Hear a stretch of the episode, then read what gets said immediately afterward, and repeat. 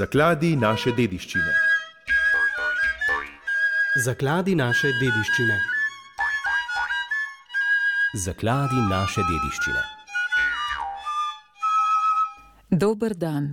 V odmevu velikonočnih praznikov in pred dnevom svetega Jožefa Delavca bomo s pripovedjo etnologa dr. Janeza Bogataja zarisali razvoj potice in štrukljev skozi čas. V Sloveniji poznamo čez sto sladkih in slanih potic z različnimi nadevi, zato lahko s ponosom trdimo, da so potice najboljše ambasadorke naše kulinarike in gastronomije. Potica je dobra jed, boljše nima svet. Posebna zgodba pa so tudi štruklji.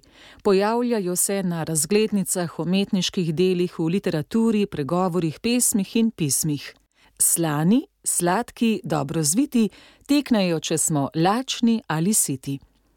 Poslušajmo nekaj strnjenih misli dr. Janeza Bogataja, ki jih morda še niste poznali, o poticah in štrukljih. So potice in štruklji, bratanci pa se strične, če tako v sorodstvene razmere postavimo te zadeve. Ker imata obi jedi skupno jedro, razvojno, seveda ki sega tam nekje po najnovejših raziskavah, tudi kolegov arheologov, ki sega v zgodni srednji vek.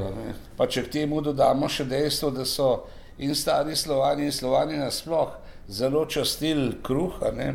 in da je kruh slovanom vedno pomenil več kot samo hrano, ampak je bil tudi simbol opredmetenja nekega prazničnega dogajanja in tako naprej, je potem logično, ne, da lahko tema dvema jedema sledimo že vrsto stoletij. Ima zlasti potica svojo predzgodovino v prazničnem kruhu.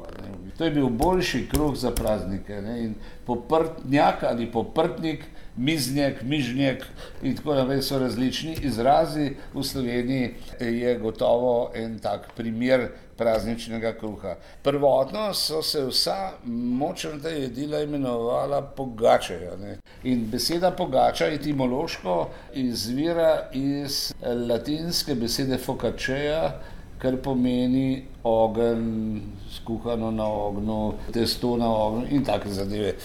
Vedno se je v življenjih vse spremenjalo, ne? to eh, je treba skozi poudarjati. Res pa je, da intenzivnost teh sprememb ni bila tako velika, kot smo navajeni danes. In seveda tudi potica je spremenila svojo podobo. Šele v 19. stoletju se začne uporabljati pekač s prirezanim stožcem v sredini. Lončari so vedno bili usmerjeni k razvoju. On je vedno moral, ko se je začelo obdobje sejmov, on je mogel vsako leto prinesti svet nekaj novega. Ne? In seveda lončari so začeli, morda tudi pod vplivom bližnje in malo manj bližnje soseščine, ne? so začeli delati pekače. Dejstvo pa je, da najstarejši pekač v Sloveniji je iz leta 1775 in sicer ga hranijo v muzejski zbirki v Šentjanžu ob Dravi na avstrijskem Koroškem. Prekrasen primer. In to je pekač brez sredinskega tulca. Dno pekača ima pa reliefne odtise. Mi skozi posamezne jedi, jedilne obroke, navade spoznavamo vsakdanjike in praznike ljudi, spoznavamo gospodarsko prizadevanje človeka v določenem okolju, družbene odnose in duhovno ustvarjalnost. Vse te tri temeljne elemente, ki so oblikujejo pojem kulture posameznika, družine, naroda, če hočete, ali neke države. Pekač je potičnik, medtem ko potičnica je pa trgovina, ali pa restauracija, kjer ponujajo potico. In to na Blejskem otoku uspešno razvijajo. Znamenita je prav ta blejska otoška potica, ki je nadevana z lešniki in figami. In tiste fige rastejo se tudi na Blejskem otoku. Tako mi grede, naši pesniki in pisatelji kar pogosto omenjajo, predvsem štrukle, ne toliko potico, tudi v sodobni slovenski prehrani so štrukli kar močno zastopani. Ne? Mogoče še povem nekaj o sami besedi štrukl. Beseda izvira iz bavarsko-avstrijske nemščine in je štrukl. Knjižna nemščina pa pozna besedo štrudel, ki jo uporabljajo tako za štrukle, kot tudi za zavitek. Etimološko pa izvira iz stare visoke nemščine, kjer je pomenila vrtinec, zavoj.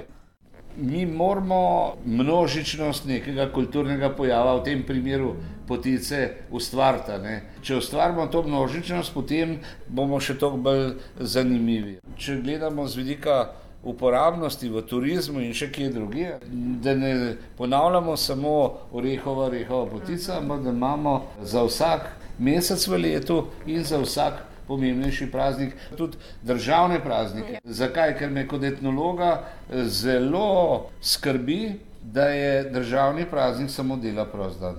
Hvala lepa za tak praznik. Ni nobene ritualizacije, neke obrednosti, lepše povedano. Za me državna proslava ni obrednost. Prvi maj, po drugi svetovni vojni, vemo, kako je bilo z crkvenimi prazniki. Eni so bili prepovedani, drugi so se umaknili v intimo družinskega življenja. Se spominjam že iz otroških let, ko je bil prvi maj, so imeli ljudje, ki so bili v drugem ideološkem polu, ravno tako šunko, rdeče pobarvana jajca in potico. Tako da, Tako da, zaključite, poved po svoje.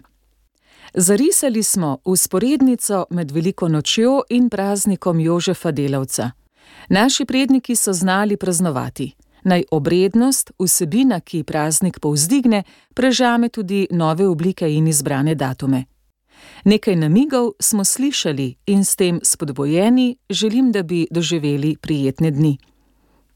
V tokratni rubriki smo pripravili strnjeno pripoved etnologa dr. Janeza Bogataja Srečanja tik pred veliko nočjo na pokušini potice in štrukljev ter predstavitvi njegovih številnih knjig o kulinaričnih dobrotah in posebnostih, med temi tudi o poticah in štrukljih, ki so išle pri založbi Hart.